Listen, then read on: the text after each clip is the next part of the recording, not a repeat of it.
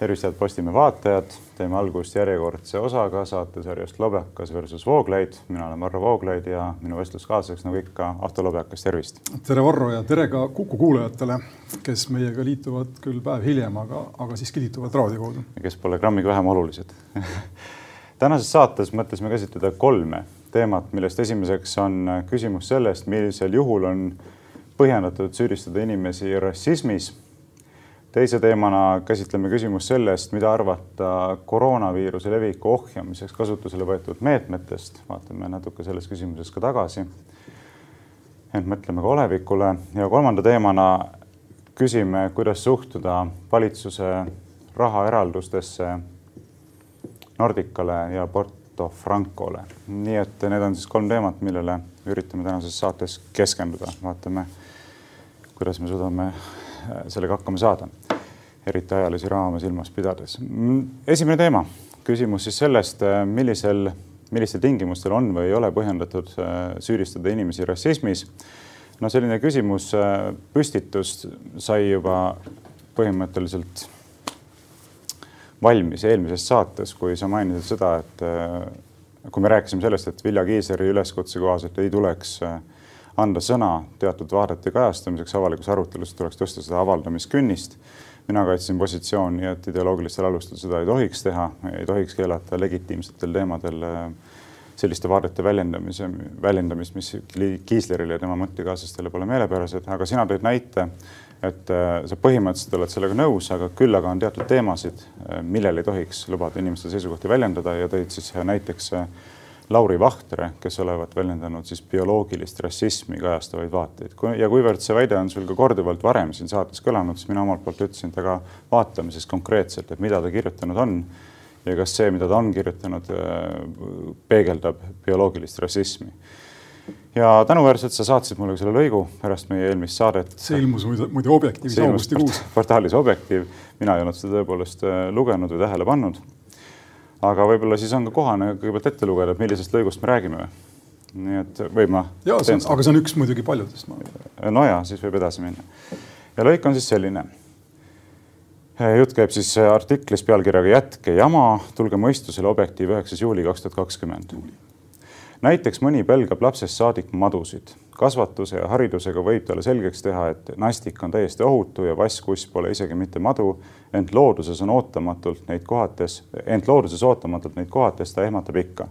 umbes samal viisil on valgenahaliste keskel üles kasvanud inimesel raske vältida ebalust, kui tema käele pannakse süsimust kämmal, sest tema kogemuse järgi peaks see olema määrdunud näiteks tahmane või tindine jah, ta on võimeline ära õppima, et käsi võib kuuluda mustanahalisele, olla täiesti puhas ja sõbralik, koguni päästev abikäsi, aga refleks jääb kusagile alles. tsitaadi lõpp. nii. ja see on siis see, mida sina oled pidanud äh, bioloogilist rassismi kajastavaks seisukohast. no kuna ma olen juba sissejuhatust tehes päris pikalt rääkinud, siis ma ütlen omalt poolt ainult nii palju, et minu arvates mitte kuidagi äh, bioloogiline rassism ei kajastu, et äh, tegemist on täiesti normaalse kirjeldusega sellest, kuidas inimühiskond ja inimene, inimlik mõtlemine on alati toiminud, et äh, endast väga erinevate suhtes näidatakse üles ettevaatlikkust, mis ei tähenda sugugi seda, nagu peaks pidama selliseid inimesi kuidagi alaväärseks või vähem väärtuslikuks kui sinu endasugused inimesed. ja kus ma alustan? Et mitte ennast korrata. no ma olen ainult kirjeldanud, ega ma väga palju väitnud ei oleks. ja ei, see oligi rohkem retooriline küsimus praegu ma endale. ma seda tsitaati uuesti sinu üleloetuna kuuldes äh, mulle turgatab pähe mõte, et äh, sündida valgenahalisse ühiskonda on juba iseenesest viga, mis tuleks võimalikult kiiresti parandada, sest et äh, kui siin Vahtret sõna, doktor Vahtret sõna-sõnalt võtta, siis seda probleemi talle ei oleks, kui ta oleks sündinud valgenahalisse ühiskonda, mitte Nõukogude Liitu, kus ta sai lõpuks etnoloogia kandidaadikraadi, mis konverteeriti, ma saan aru, siin meie riigis doktoriks, mis on siis põhjus, miks tal see honorific või hono, mis ta on siis, austav tiitel seal nime ees on. igal juhul äh, on ta sellesse ühiskonda kinni jäänud ja probleem äh, mingil tasandil ei olegi, kui ma sind alguses jälle kuulasin, ei ole ju selles, et keda võib süüdistada rassismiks või rassistiks olemises süüdistada võib kõiki, nii palju kui meid on, kõik võivad kõike süüdistada, jumal teab milles, eks ma saan aru näiteks, et Päästeametisse on võimalik helistada, et teie naabril korsten suitseb ja tuleb, tuleb kontrollida, eks noh. iseasi, kas süüdistus on põhjendatud. jah, aga põhjendatud süüdist-, põhjendamata süüdistuse puhul ei juhtu ka muud midagi, kui, kui sa oled näidanud üles noh, mingisugust kodaniku valvsust või mis iganes, et see iseenesest on väga lai teema, aga ma sinna ei tahaks kinni jääda. minu mure äh, on, äh, ütleme, üks võimalus sellele murele läheneda on küsida, kas või mõelda, et äh, rassismi ilmingute puhul ja noh, kui need ilmingud on süsteemsed või ütleme nagu Eestis, nad on igal pool meil teatud mõttes ka selles, mis sina ütled, kui sa Lauri Vahtriga kaasa lähed, doktor Vahtriga, sa väljendad minu arvates rassistlikku seisukohta, aga, aga seda pigem noh, ütleme vabandust, et mõtlematusest pigem, eks mitte nagu halvast tahtest. doktor Vahtri puhul ma kahtlustan halva tahet, halba tahet, aga kuhu ma jõuda tahan, esimese sammuna on, on öelda, et me elame ühiskonnas, kus sellised asjad ei äh, tekita inimestes automaatset võpatust või automaatset vastulööki või tõrget ja nendele ei järgne ühiskondlikke sanktsioone sellise jutu eest äh, doktor Vahtrele riigiametis näiteks, ma kujutan ette, Lääne-Euroopas enam palka ei makstaks, tal oleks võimatu olla avalikus sektoris pärast sellise mõtte äh, kirjapanemist ja aval-, avaldamist oleks tal võimatu olla avalikus sektoris tööl. ma saan aru, et see nüüd tundub sulle kuidagi teistmoodi, ütleme, ja võib-olla väärana ja, ja ülereageerimise ja mille kõige muuna, aga mida ma nüüd küsida tahaksin jutu jätkuks sinu käest, on see, kas sa oled nõus selle mõttega, tulles tagasi sellesama sinu esimese mõtte või selle Lauri Vahtre, doktor Vahtre äh, sõnade juurde, et ühiskond, ühiskondades, kus inimesed sünnivad, ähm, siis valgete ja mustanahaliste ja ma ei tea, mis värvi inimeste keskele.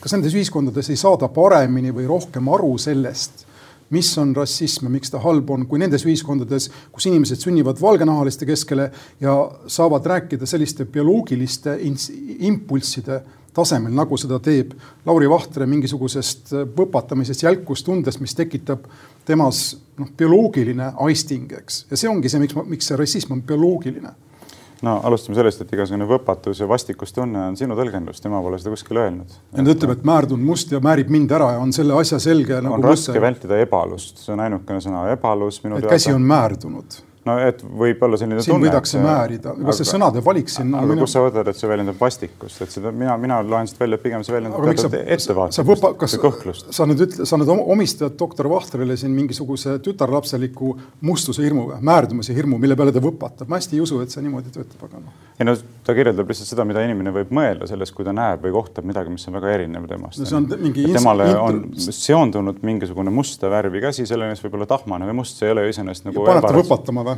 Ta ei ole ta on nii peenekoelise, koelise tunde. ta räägib ebalusest, nii palju kui mina sain aru, et aga ebalus ei ole ju mingisugune halvustava tooniga, see, ma vaatasin isegi järgi, seletavas sõnaraamatus on kirjutatud, ebalus on kõhklus kahe vahel olek. See ei ole mingi halvaks panu, see ei ole mingi selles mõttes hinnangu andmine. ma ei saa üldse aru. Ja oota, nüüd ma, ma väljendan oma mõtet, et esiteks ma tahan paari asja mainida. Äh, esiteks, ma ei oleks sinu asemel sugugi nii kindel, et sellega, kui sa nimetad inimesi rassistideks alusetult, ei või kaasneda midagi muud kui tunnustus selle eest, et sa oled ühiskonnas kuidagi valvel olekus.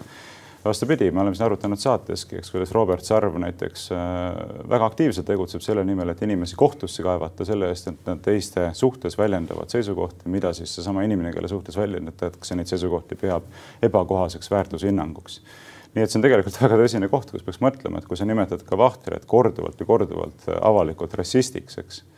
noh, siis mingil hetkel ei, ei pruugi see piirduda ainult sellega, et keegi ütleb, et noh, et jah, et sa väljendasid oma seisukohta, aga aga võib, võib väljendada ka teistsugust seisukohta, et see võib tegelikult päädida ka väga tõsiste juriidiliste vaidlustega, ma kardan ausalt öeldes, et ja, ja siit ma lähengi nüüd edasi, ma küsin, et kui me vaatame uuesti seda lõiku, mina ei näe absoluutselt mitte midagi rassistlikku selles, sa ütled ka, et mina olen äh, kuidagi no oma naiivsusest või kuidagi tahtmatusest samamoodi nagu rassistlike seisukohtade esindaja, ma ei saa sellest süüdistusest absoluutselt aru.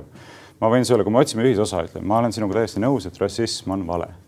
rassistlikku hoiakut ei peaks pidama ei õigeks ega ka aktsepteerima, äh, vähemalt moraalsel tasandil äh, avalikus arutelus väljendatuna. aga defineeri rassism selle. aga mina näen rassismi väga selgelt sellise hoiakuna, mille kohaselt peetakse teatavast rassist isikuid vähem väärtuslikuks olemuslikult alamaks äh, ja selle tõttu ka mitte väärivaks samu inimlikke põhiõigusi, kui on teistel inimestel.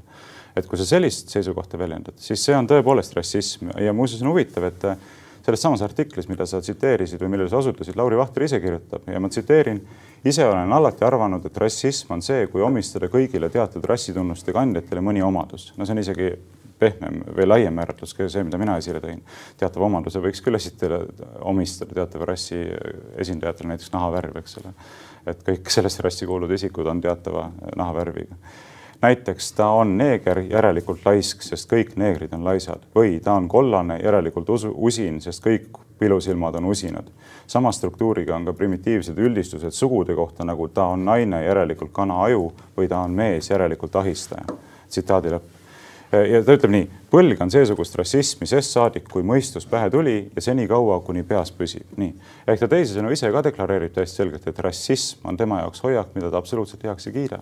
probleemi näen ma ka sellega seonduvalt, et sina omistad teatavatele seisukohtadele, mis ei ole rassistlikud, äh, sellise hinnangu, nagu need oleksid ka rassistlikud ja loomulikult ma ei saa absoluutselt heaks kiita sinu sellist äh, soovi, et kui inimesed, kes väljendavad selliseid seisukohti nagu Lauri Vahter on siin artiklis väljendanud tähendab, kui inimesed väljendavad selliseid seisukohti, nad ei tohiks üldse avalikus teenistuses äh, töötada või meedias sõna saada, et noh, minu meelest see, see peegeldab jällegi sellist nagu ideoloogilise diktatuuri ihalust, mida ma kindlasti ei toeta sa oled muidugi ringiga nüüd ära vastanud selle küsimuse, millele sa otsest vastust ei andnud, aga mis see oligi? mis oli see, ühesõnaga, mis oli küsimus selle kohta, kas ühiskonnad, mis on tuttavad või mis on, ütleme siis kosmopoliitsed või koosnevad äh, erinevat nahavärvi inimestest, ütleme juba mõnda aega, eks, kas need ühiskonnad teavad paremini kui meie, mis on rassism ja mida selle suhtes ette võtta ja mida mitte ette võtta. see oli minu sihuke laiem taustaküsimus, sinu jutt ütleb mulle, et ei, meie teeme enda otsused siin ise mm -hmm. ja elu õpetab meile. no see on muidugi kahjuks tuleb tunnistada seda teed minemine, et me kõik teiste vead siis proovime enda naha peal ära, sest et meil on suveräänne õigus rahvusena või mis iganes. aga milles seisnevad vead?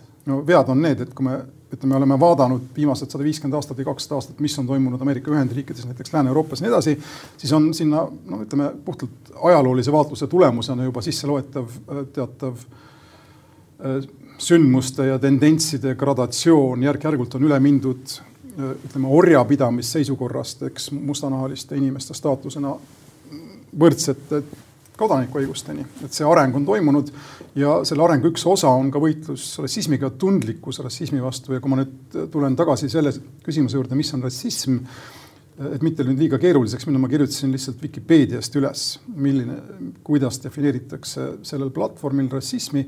seal on kolm sellist astmelist komponenti, üks on eelarvamuse omamine, üks on diskrimineerimine, teine on diskrimineerimine ja kolmas on siis rassivastasus ja mis nüüd sünnib meil, ma vaatan sinu ja üldiselt muidugi doktor Vahter näitel, aga sa seda ka tundud toetavat.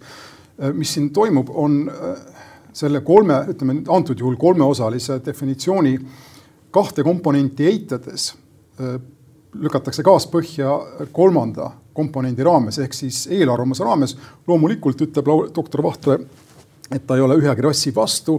loomulikult ütleb, ta ei taha kedagi diskrimineerida, aga tal on eelarvamusi ju siit kuni ma ei tea, Roomani või ma ei oska eesti keeles neid väljendeid väga hästi kasutada, aga põhimõtteliselt eelarvamusi on tal mustmiljon ju. ta, ma arvan, et sa ei taju seda, aga ta mängib meelega siin inimeste eelarvamustele ka selle keelekasutusega, kus on selles samas tekstis, mis Objektiivis avaldati, mida sa siin ka oled ümber tsiteerinud või ümber korranud või taaskorranud. ta, ta mainib siin sõnu neeger ja pilusilm näiteks, ilma neid mingisse konteksti asetamata, nagu need oleksid eesti keele täiesti tavalised osad, kuigi ma usun, et näiteks sinagi äh, ilmselt põrkuksid tagasi selle eest, et kui mul oleks siin hiinlane, Hiinast pärit inimene üle laua, teda kuidagi pilusilmaks kutsuda või isegi seda sõna mainida niimoodi, et ta aru saab, mis sellega mõeldakse, sest et see sõna mingil tasandil on solvav, eks, ja see instinkt, see on, on see, mida ma mõtlen rassismi tundlikkuse all nendes teistes läänelikemas ühiskondades ja mis puudutab äh, lihtsalt lõpetamaks oma mõtet nüüd sellega, et sa äh, tunned muret minu võimaliku süüdistatavuse pärast äh, juriidiliselt selle äh, ütleme, doktor Vahtre rassistiks nimetamise eest, siis minu kaitse on siin kohe esitatav. Ja oleks huvitav näha, kas see kaitse toimib või ei toimi, aga mina kutsun rassistiks inimesi, kes on hingelt määrdunud ja kelle hinge puudutus minu hinge paneb ebalema see on küll väga oodad korda seda määratlust. rassistid on kõik inimesed, kes? kes oma hingelt on määrdunud ja kes seda määrdumist, kes sellest määrdumisest teadev olles või teadlik olles seda määrdumist endalt maha ei pese, kasutavad sõnu nagu pilusilm, neeger, räägivad sellist juttu bioloogilisest äh, erinevusest või sellest, kuidas inimene on määratletud esmaselt enda bioloogilise refleksi poolt, mitte talle antud kõrgema sädeme poolt, eks, mis meil on kõigil on sama, mitte Jumala või minu pärast Kanti või kellegi teise poolt, eks kõik see teeb ühe välja tegelikult.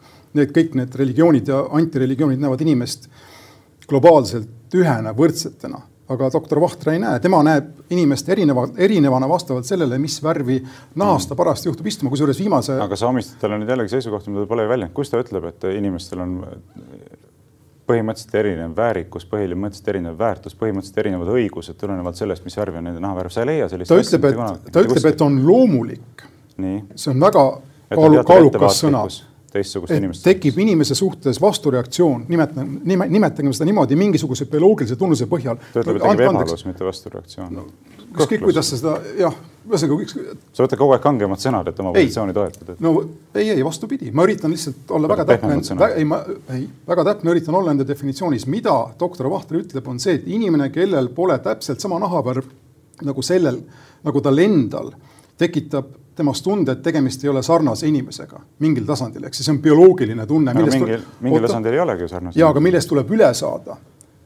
Valgustatud maailmas on asi täpselt vastupidine. inimene, sõltumata sellest, kas tal on, kas ta on kiilas või mitte kiilas, kas tal on punane, punane juus, mitte punane juus, kas ta kannab kipat nagu juut või mitte ei kanna kipat, kas ta on äh, mingit teist nahavärvi või mitte, on esmalt inimene mm -hmm. ja mitte millestki ei tule üle saada. tuleb harjuda sellega, et enda bioloogilisest Äh, ja ütleme väga uusaegsest, äh, täiesti noh, mis siis on, täiesti mittemõistlikust reaktsioonist mitte teistele rääkida. see on inimese kohustus uue, meie ajastul no jaa, aga jällegi ma tulen tagasi algusesse, et äh, Lauri Vahter ei ole eitanud inimeste võrdset väärikust. mitte kunagi, mitte kusagil sa ei leia mitte ühtegi aga teksti. minu, minu kord on rääkida. tal on eelarvamus. Vikipeedia esimene, definitsiooni esimene osa on tal. ei, ta ütleb, et inimestel on äh, teatav ettevaatlikkus endast erinevate suhtes, see on loomulik. Minul on ka ettevaatavus teata kõik olendite suhtes, kes on minust väga erinevad ja kellega ma ei ole harjunud. omavahelises meilivestluses ma rääkisin seda, et kui ma elasin Helsingis, mul käis külas kursusevend Kamerunist, mustanahaline, mul väike tütar, esimene laps, kes meil oli, ka ehmatas ära sest ei olnud kunagi ja. nii lähedalt kokku puutunud. oota, mina räägin praegu. oota, sa rääkisid väga pikalt, las ma ka räägin. kas ma tohin ühes sulgudes lause vahele panna? no ühe lause. sa, täpselt, aga sa võrdled siin doktor Vahtrit lapsega ja selle võrdlusega ma olen nõus, ma ei ole kindel, kas sa sinna minna tahad, aga sa ju kirjeldad lapse reaktsiooni, mitte täiskasvanud enda eest vastutava mõtleva inimese reaktsiooni. ei, ei, lapsest lihtsalt kajastuvad üldiselt normaalsed loomulikud inimlikud refleksid. keegi ei ole õpetanud minu tütar näiteks sellist, ole hästi ettevaatlik, kui sa näed mustanahalised inimest, loomulikult mitte. vastupidi, mul, minu lastest kellelgi ei ole ühegi teise teise nahavärviga inimese vastu mitte midagi. aga kui sa esimest korda lähedalt puutud kokku mustanahalisega, siis on täiesti loomulik, et inimene ehmatab. eks mis siis see on, ma ei ole sellist asja mitte kunagi näinud, et inimene minu arusaamise kohaselt on valge, aga nüüd järsku on must, eks. mida rohkem inimene kasvab, puutub kokku selliste inimestega, seda enam saab aru, et inimesed ongi erinevad ja see ei tähenda, et neil oleks erinev väärikus või erinev, erinev väärtus. aga mida ma öelda tahan, on küll see, et, et selline alusetu rassistiks tembeldamine, mina jään enda juurde, sa tembeldad Lauri Vahtri alusetult rassistiks ei ole vastuvõetav ja see on see, mida ennast liberaalideks nimetavad inimesed Eestis on nagu pikka aega teinud, eks. kui sa ei kiida heaks selliseid ideoloogilisi positsioone, lihtsalt homoabielu tuleks seadustada homofoob, eks. kui sa ei kiida heaks, ma ei tea, immigratsioonikvootide kehtestamist, sa oled ksenofoob niimoodi. kui sa oled, ma ei tea, pead oluliseks rahvusriigi ideaali säilitamist, sa oled nats, eks ole et noh, sellised asjad nagu ei äh, soodusta sisukat avalikku arutelu ja vastupidi, loovad selliseid lõhesid ja takistavad avalikku arutelu seal, kus see võiks toimuda. ja ma mainin lihtsalt ära ka seda, et, et minul oli näiteks kahju, et sa ei võtnud vastu minu ettepanekut, kutsume Lauri Vahtri siia, räägime tema enda juuresolekul nendest asjadest, mida tema arvab, miks me tagaselja peame rääkima Lauri Vahtrist, miks mina pean esindama tema positsioone siin, eks. mina lihtsalt pean seda tegema, olen sunnitud seda tegema, sest sina esitad tema suhtes väga tõsise süüdistuse ja mina ei saa seda jätta kõlama, aga mulle tegelikult ei meeldi see, et me tagaselja esitame kolmandatele isikutele süüdistusi, välja arvatud juhul, kui me räägimegi kellegi konkreetse seisukohtadest, noh nagu me täna seda teeme, eks.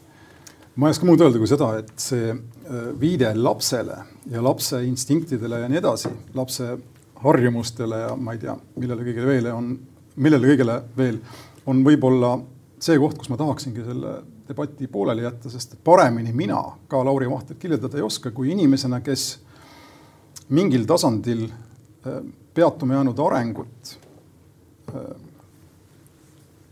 kasutab, kasutab ära ühiskonnas, mis ei ole väga mõistlik. Äh, mis ma siis oskan öelda, populaarsuse saavutamiseks või, või ta näeb, et, et sellega saab kusagile või seda kuulatakse või seda jagatakse, mis iganes. ühiskond muutub ja noh, ta on juba, ta ei tea sellest veel, eks, aga ta on juba ajaloo prügikastis. ja mingi paarikümne aasta pärast see sealt enam välja ei tule, ta on, ta on sügavamal seal, kui täna on Suurbritannias, ma ei tea, inimesed, kes rääkisid rassisõjast kolm-nelikümmend aastat tagasi, eks ma arvan, et kolm-nelikümmend aastat tulevikku vaadates Lauri Vahtre isegi nimi on unustatud, aga. aga kas sa oled nõus sellega, et äh, lühike vastus, konkreetne küsimus, konkreetne vastus ka, et, et kas, et on erinevus selle vahel, et keegi väljendab seisukohti, mis sinu arvates ei ole põhjendatud või mõistlikud ja selle vahel, et need seisukohad on rassistlikud.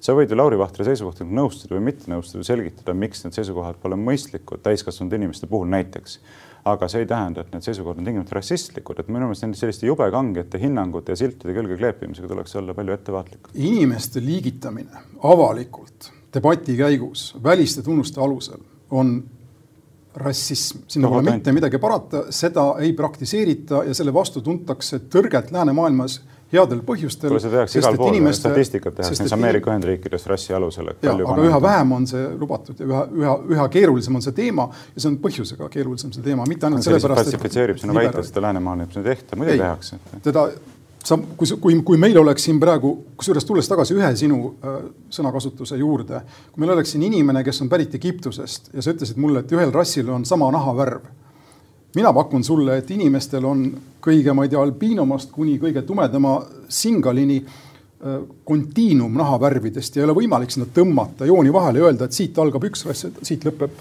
siit lõpeb üks ja sealt algab teine, eks. Eestiski sa leiad inimesi, kes on, kelle suguvõsad lähevad tagasi sadu aastaid, aga noh, kelle, kelle ütleme, tõmmudus on natukene teine. juba see väide iseenesest ütleb mulle, et siin on teema, millest noh, me räägime ainult tänu sellele, et inimesed on omandanud pooleldi äh, uusaegse tehnokraatlik teadusliku mõtlemise, mis katalogiseerib, ma tulen tagasi selle mõtte juurde, katalogiseerib kõike, mis võimalik väliste tunnuste alusel ning paigutab nad globaalsesse süsteemi, kus tekib võimalus neid võrrelda. Ja see on põhjus, miks rassism on nii ohtlik. sellepärast, et me hakkame võrdlema inimesi.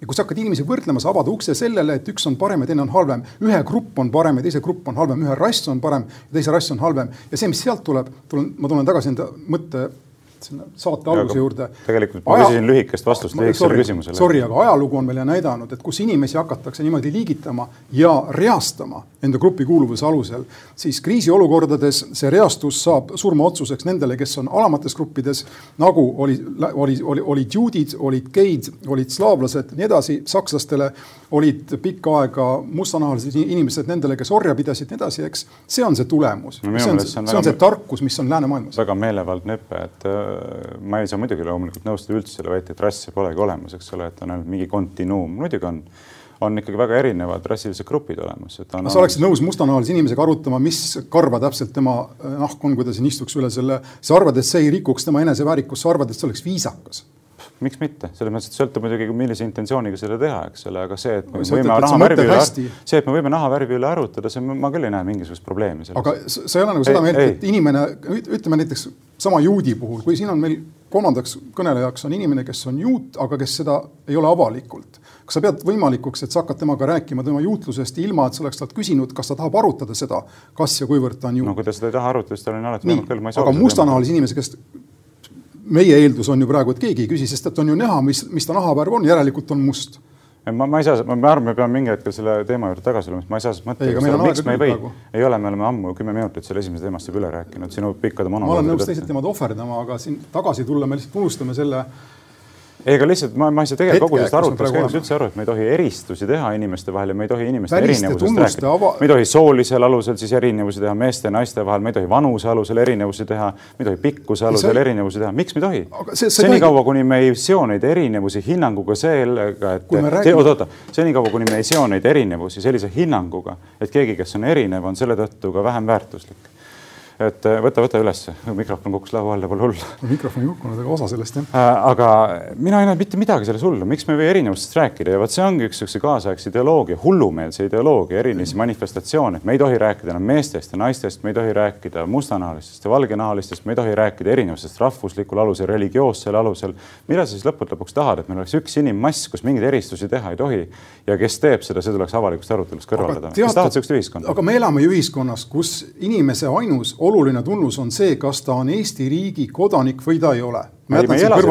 kust sa võtad sellise asja? riiklikel kodanikel on võrdsed õigused, mitte kõikidel meestel on võrdsed õigused, mitte kõikidel naistel on võrdsed õigused, mitte kõikidel. väga olulised erinevused on muud ka, mehed, naised, kurjategijad, mittekurjategijad, see kõigest ülekäiv määratlus mis on kõige tähtsam, on kodanik, väikse tähega kodanik. minu jaoks ei ole kõige tähtsam. no meie põhiseaduse järgi on see põhiseadus. minul kui inimesel väga... ei ole, minu jaoks on palju tähtsam määratlus see, kas tegemist on hea inimese või kurja inimesega. siin mõnes muus kontekstis sa kaitsed põhiseadust nagu lõvi, antud juhul äh, millegipärast pole see oluline. põhiseadus on aga... kõrgeima jõuga normatiivne allikas, just eelmises saates rääkisime. ja seda küll, aga üldiselt sa ütled mulle ju alati, et kas ma olen põhiseaduse vastu või ei ole põhiseaduse vastu ja nii edasi. aga mida ma öelda tahan. põhiseaduse vastu okay., ma just ütlen, et see ei ole kõrgeim allikas. Lähme põhiseadusest veel sammu edasi, see on kohtusüsteem, lõppkokkuvõttes Euroopa kohtusüsteem, kus siis otsustatakse, kas kõik, mis ütleme ka Eestis toimuv, on õiguspärane või mitte, lubatav või mitte, eks. ütleme, sa oled sellega nõus, et kohtuvõim lõpuks otsustab kas, kasvõi see rassismisüüdistus näiteks antud juhul ja mis kõik, kõik, mis kõik veel. see kõik lõpuks, kui on vaja, viiakse kohtukulli ette, kohtukull otsustab, eks, ülemkohus kusagil nii edasi. kui meil oleks kohtunikeks sellised inimesed nagu sina, kes otsustaksid sellise on... meelevaldusega rassismi üle, siis me elaksime totaalses düstoopias. see on midagi muud, mida, mida ma öelda tahan, on see, et mingil tasandil meie ühiskonna kõige kõrgem instants või kõige kõrgem nii-öelda kategooria, millest kõik muu tuleneb, on subjektsus. inimene on kas mingisuguse jurisdiktsiooni või kohtu, ma ei tea, mingi riigi või ütleme, Euroopa Liidu subjekt või ta ei ole. kui ta on, siis tal on õigused ja kõik muu tuleb sealt hiljem, aga esimene õigus, mis tal on, on õigus enda elule, õigus enda privaatsusele, kõikidele autonoomiale, asjadele, mis käivad kaasas nii liberalismi kui ka ausalt öeldes valgustatud usuga. ja see, mida siin me rassismi all arutame ja mida näiteks doktor Vahter räägib, keerab selle asja pea peale. sa hakkad määratlema inimest asjadest, mis tulevad päris lõpus tema enda jaoks vabariigi kodanikuna, vaba ühiskonna kodanikuna, aga seatakse järsku esiplaanile, pannakse, ütleme, mustanahaline inimene siia, kes on Eesti kodanik, hakatakse rääkima sellest, kas ta on eestlane või ei ole eestlane. selline asi on juhtunud Eesti Televisioonis äh, ja mitte doktor Ojuland äh, ei osanud sellele vastust anda. Need on küsimused, kus meil tekib probleem reaalselt rassismiga ja see on ka koht, kuhu doktor Vahtri jutt välja viib alati, kas mustanahaline on samamoodi eestlane, kas ta on kodanik, kas ta on inimene, isegi kui ta selle küsimuse küsimata jätab, ta avab selle ukse ja see ukse avamine on kriminaalne. No mina arvan, et kriminaalne on inimeste süüdistamine rassismis, ilma et selleks alust oleks ja teine sõnade suhu panemine. Lauri Vahter ei ole kunagi sellist küsimust mitte kuskil püstitanud, kas mustanahaline inimene on inimene või kas ta on sama väärt, samavõrd inimene kui teised inimesed. ta ei ole seda kunagi teinud ja kui sina seda avalikult väidad, et sa pead ise oma sõna, sa pead ise, ei, me tõmbame selle nagu, teema loomi, nagu, nagu loomi väliste tunnuste alusel. Ei liigita, ma arvan, et see on ka meelevaldne, meelevaldne osutus, aga nüüd me läheme teise teema juurde, milleks on jah, peale väikest pausi, vabandust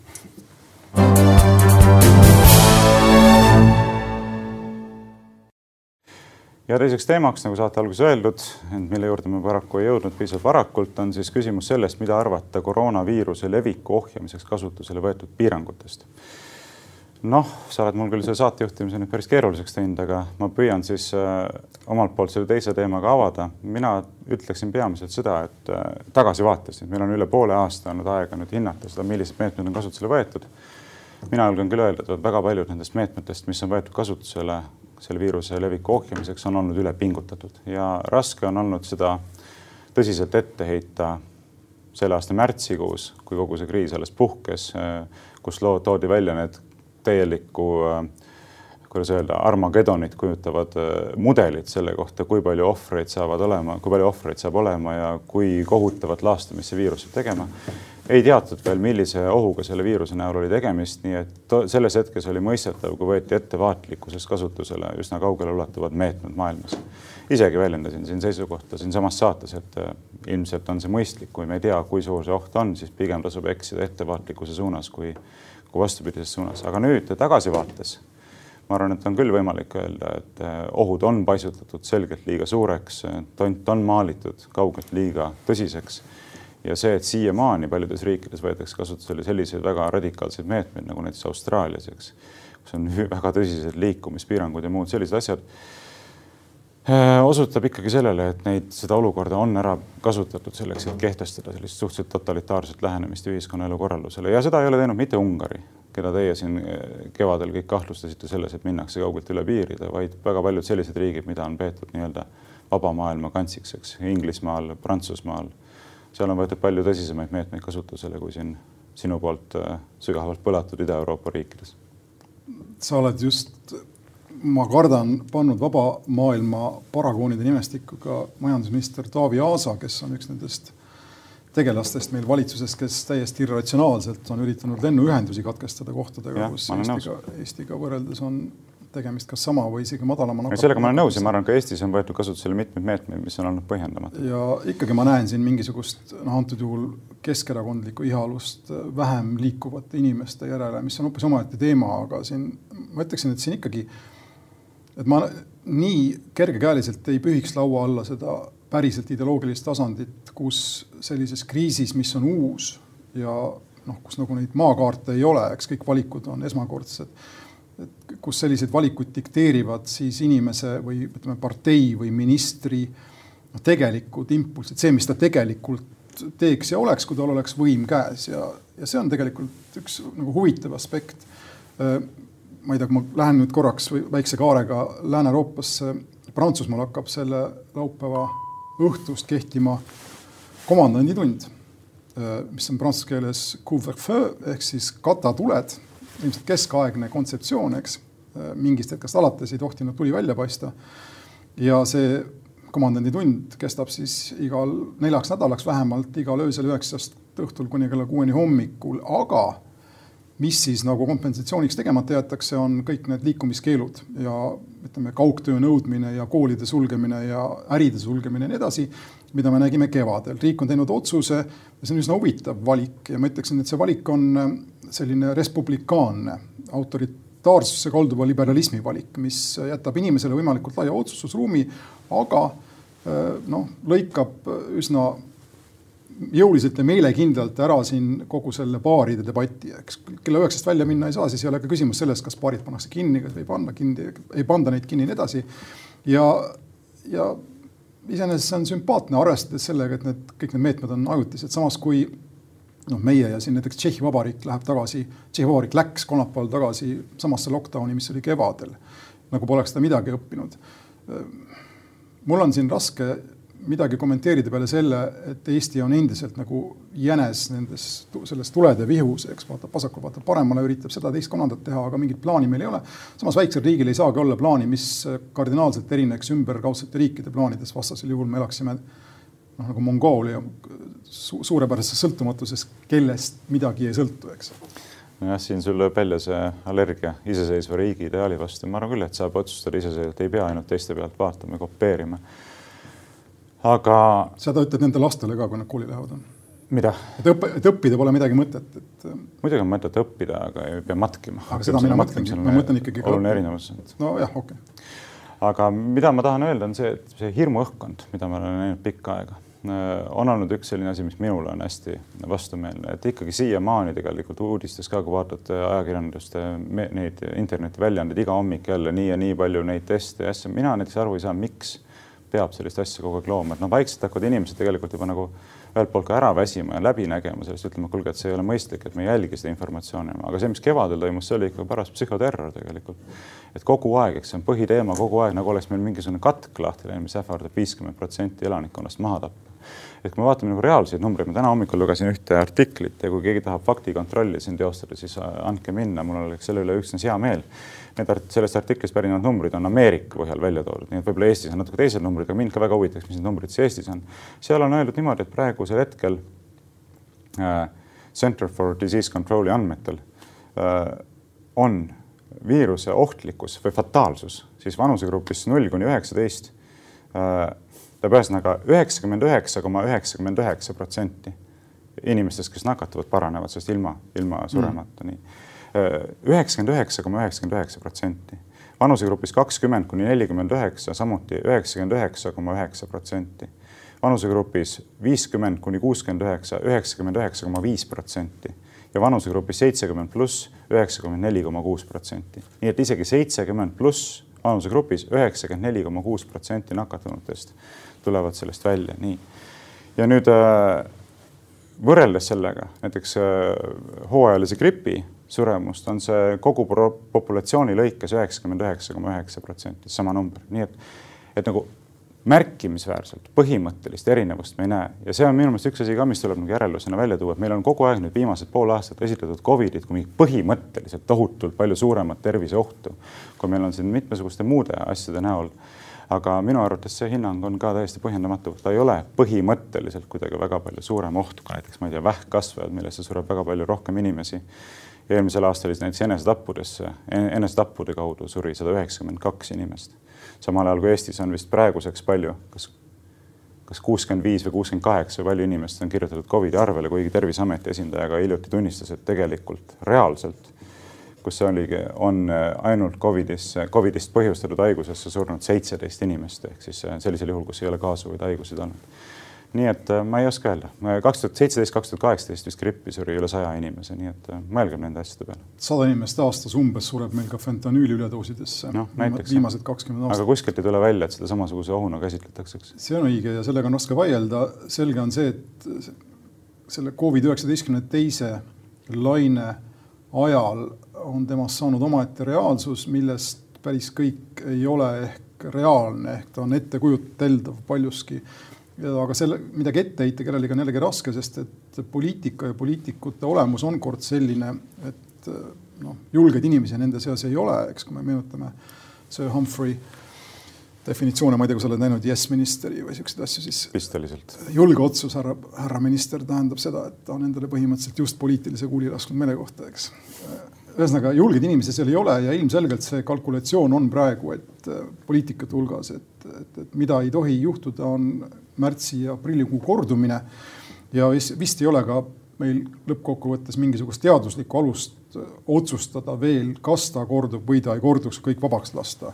tundub küll, et inimesi sureb vähem, tundub küll, et haiglates on vähem kohti ja nii edasi ja abistatud hingamisel on vähem inimesi ja, aga ma usun, et keegi päriselt kätt südamele pannes või kätt ajule pannes ei suuda meile öelda, mis juhtuks, kui kõik uksed avada ja ja kohel, kohelda Covidit. teatud mõttes võib öelda, et siin on meil olemas näiteks Rootsi näol võrdluspunkt, eks, et mida öeldi Rootsi kohta kevadel, eks, kui teie nüüd ei lähe kaasa sellega, mida kõik teised riigid teevad, see lockdown, eks siis oi-oi-oi-oi-oi, mis teil see saama hakkab. aga inimesi suri seal alguses, noh, suri, aga mitte nii drastiliselt rohkem nagu kaugeltki, mitte kümneid kordi vähem, kui ennustati Rootsile, et teil tuleb ikka totaalne katastroof. aga see meenutab mulle, ma annan sulle ühe argumendi sinu kasuks veel. ma lugesin hiljuti Rootsi lehtedest ühest uuringust mis järeldas seda, et Rootsis suri inimesi nii palju tänu sellele, et Covidile eelnenud iga-aastane gripiepideemia nõudis harilikust vähem, vähem inimelusid, ehk siis Covid võttis kuise või kahekuuse inimesega need inimesed, kes jäid gripist ellu äh, mingil põhjusel, aga kes olid niikuinii niiku nõrgad. et, et selles mõttes jah, need jooned, äh, mis on Covid ja mis ei ole Covid surm, on tegelikult väga ähmased ja, aga mulle tundub jah, et siin see fenomen on hakanud oma elu elama ja poliitikud on siin paljuski süüdi, kuna, kuna kõik ju ootavad poliitikutelt vastutustundlikku käitumist ja mitte julgust. jah, kuigi need kaks võiksid ju käia käsikäes, et ei pea tingimata olema teineteisest lahutatud. aga tõepoolest see hirmuõhkkond, mis on loodud, see on ikkagi minu meelest pakkunud selliseid väga noh silmapaistvaid selliseid äh, tagajärgi ka juba. ma ükspäev sõitsin autoga, korduvalt olen seda näinud, istud ummikus, vaatad kõrval autos on üks inimene sees, istub mask peas näiteks. tead, miks see on? miks inimesed selliseid asju teevad juba, nagu see näitab, et inimesed on viidud nagu täitsa irratsionaalsesse siin on vist natukene konkreetsem põhjus, mitte et ma nüüd kaitseks või ei kaitseks seda, aga lihtsalt, kui sa korra selle maski pähe paned, mis on see tavaline mask, mille sa ostad. siis jätabki terveks päevaks pähe. ja siis, kui sa ära võtad, ei mingisugune, seal on mingi tundide arv on seal, mis sa võid kanda, kui sa ära võtad, sa pead ära viskama. Ja see on, ma ütleksin, et äh, säästlik käitumine no see oleks nagu hea tõlgendus sellest olukorrast, aga on... minule tundub, et inimesed enam ei saa üldse aru nagu, äh, kuidas käitutakse, sellele osutas muuseas ka üks, äh, kuidas oligi, üks psühhiaatriakliiniku ülemarst, kellega siin Eesti Päevaleht on teinud hiljuti intervjuu, ütles, et koroonaaeg on mõjunud meie patsientidele laastavalt. ja ERR-is oli ka uudis, et äh, kuidas seal oli, et koroonakarantiin pani põntsu inimeste vaimsele tervisele, kirjutas kevadise koroonakarantiini ajal täheldasid psühhiaatrid, et Eestis tekkis rohkem meeleolu ja ärevushäire esmase diagnoosi saanud patsiente. ja tegelikult saab üldse olema huvitav näha, et kui palju tuleb enesetappe selle aasta lõpuks. mind ei, mind ei üllataks üldse see, kui enesetappude arv sel aastal võrreldes eelmise aastaga on suurem, suurema numbri võrra, kui on nii-öelda koroonasurmasid Eestis, nii et nende asjade peale ilmselt tasub ka mõtelda. väga vabandan, aga ma korraks toon sisse selle eelmise teema. siin selle teema raames sa tundud uskuvat väga lihtsalt või arvavad väga lihtsalt, et ühesõnaga, et inimesed kaotavad mõistlikkuse väga lihtsalt. Rassismi puhul sulle see mõte pähe ei tule, et tegemist võiks olla teatud, teatud määral ka mõistlikkuse kaoga ühiskonnas, mis pole lihtsalt selle fenomeniga tuttav, aga noh, see selleks. no mina pole näinud igal mingit mõistlikkuse kadu Eesti ühiskonnas, minu meelest see on imporditud probleem, üritatakse kangesti tekitada selline hoiak, nagu Eestis oleks mingi suur probleem rassismiga, ei ole ju. aga meil on viis minutit aega, et rääkida. et minna kolmanda teema juurde, jah, noh ootuspäraselt teine teema jäi käsitlusest pealiskaudseks ja lähme kolmanda teema juurde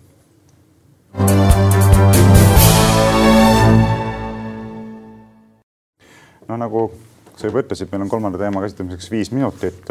küsimus seondub siis sellega, mida arvata valitsuse poolsesse raha jagamisse, valitsuse poolsest raha jagamisest Porto Francole ja Nordicale, et just eile tuli siis uudis, et kakskümmend miljonit, kakskümmend kaks miljonit eurot lisatakse aktsiakapitali Nordicas ja lisaks antakse Nordicale veel kaheksa miljonit tähtajalist laenu soodsatel tingimustel ehk siis kokku selline kolmekümne miljoniline toetusmeede, mis mind paneb küll väga tõsiselt kulme kergitama, sellepärast et me teame, et Estonian Airi on aastate jooksul maetud üle saja miljoni euro maksumaksjate raha, me teame, kuidas see kõik lõppes, siis pankrotiga ehk teisisõnu majanduslikus mõttes katastroofiga ja kuivõrd äh, põhimõtteliselt Nordica asja ajavad ju endiselt sisuliselt samad inimesed, äh, Jan Palmeer, Ahti Kuningas majandusministeeriumist, siis ma ei näe mingisugust põhjust, miks me peaksime ootama, et seekordne maksumaksjate raha kümnetes miljonites sellesse projekti paigutamine peaks lõppema mingisuguse teistsuguse tulemusega.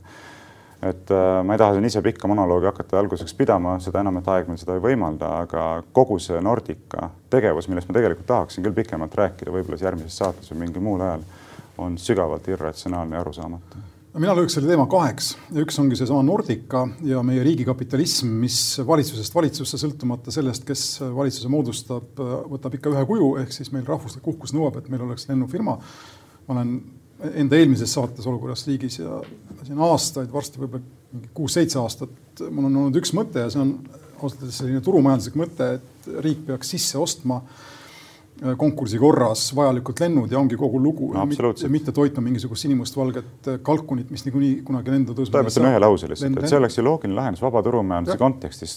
opereerivad liine need ettevõtted, kes suudavad seda odavamalt ja kvaliteetsemalt teha ja kui mingile liinile ei teki piisavat hulka opereerijaid, siis riik kuulutab välja riigihanke, ütleb, meil on vaja seda liini. ja subsideerimine on ja. lubatud seni, kuni ta on nii-öelda avalikul turul, ehk siis erinevad firmad võivad konkureerida selle no, subsiidiumi peale. mõistuspärane lahendus, aga Täis. mina ei saagi aru, miks seda kümnete miljonite ma ütlen sulle, see on rahvuslus.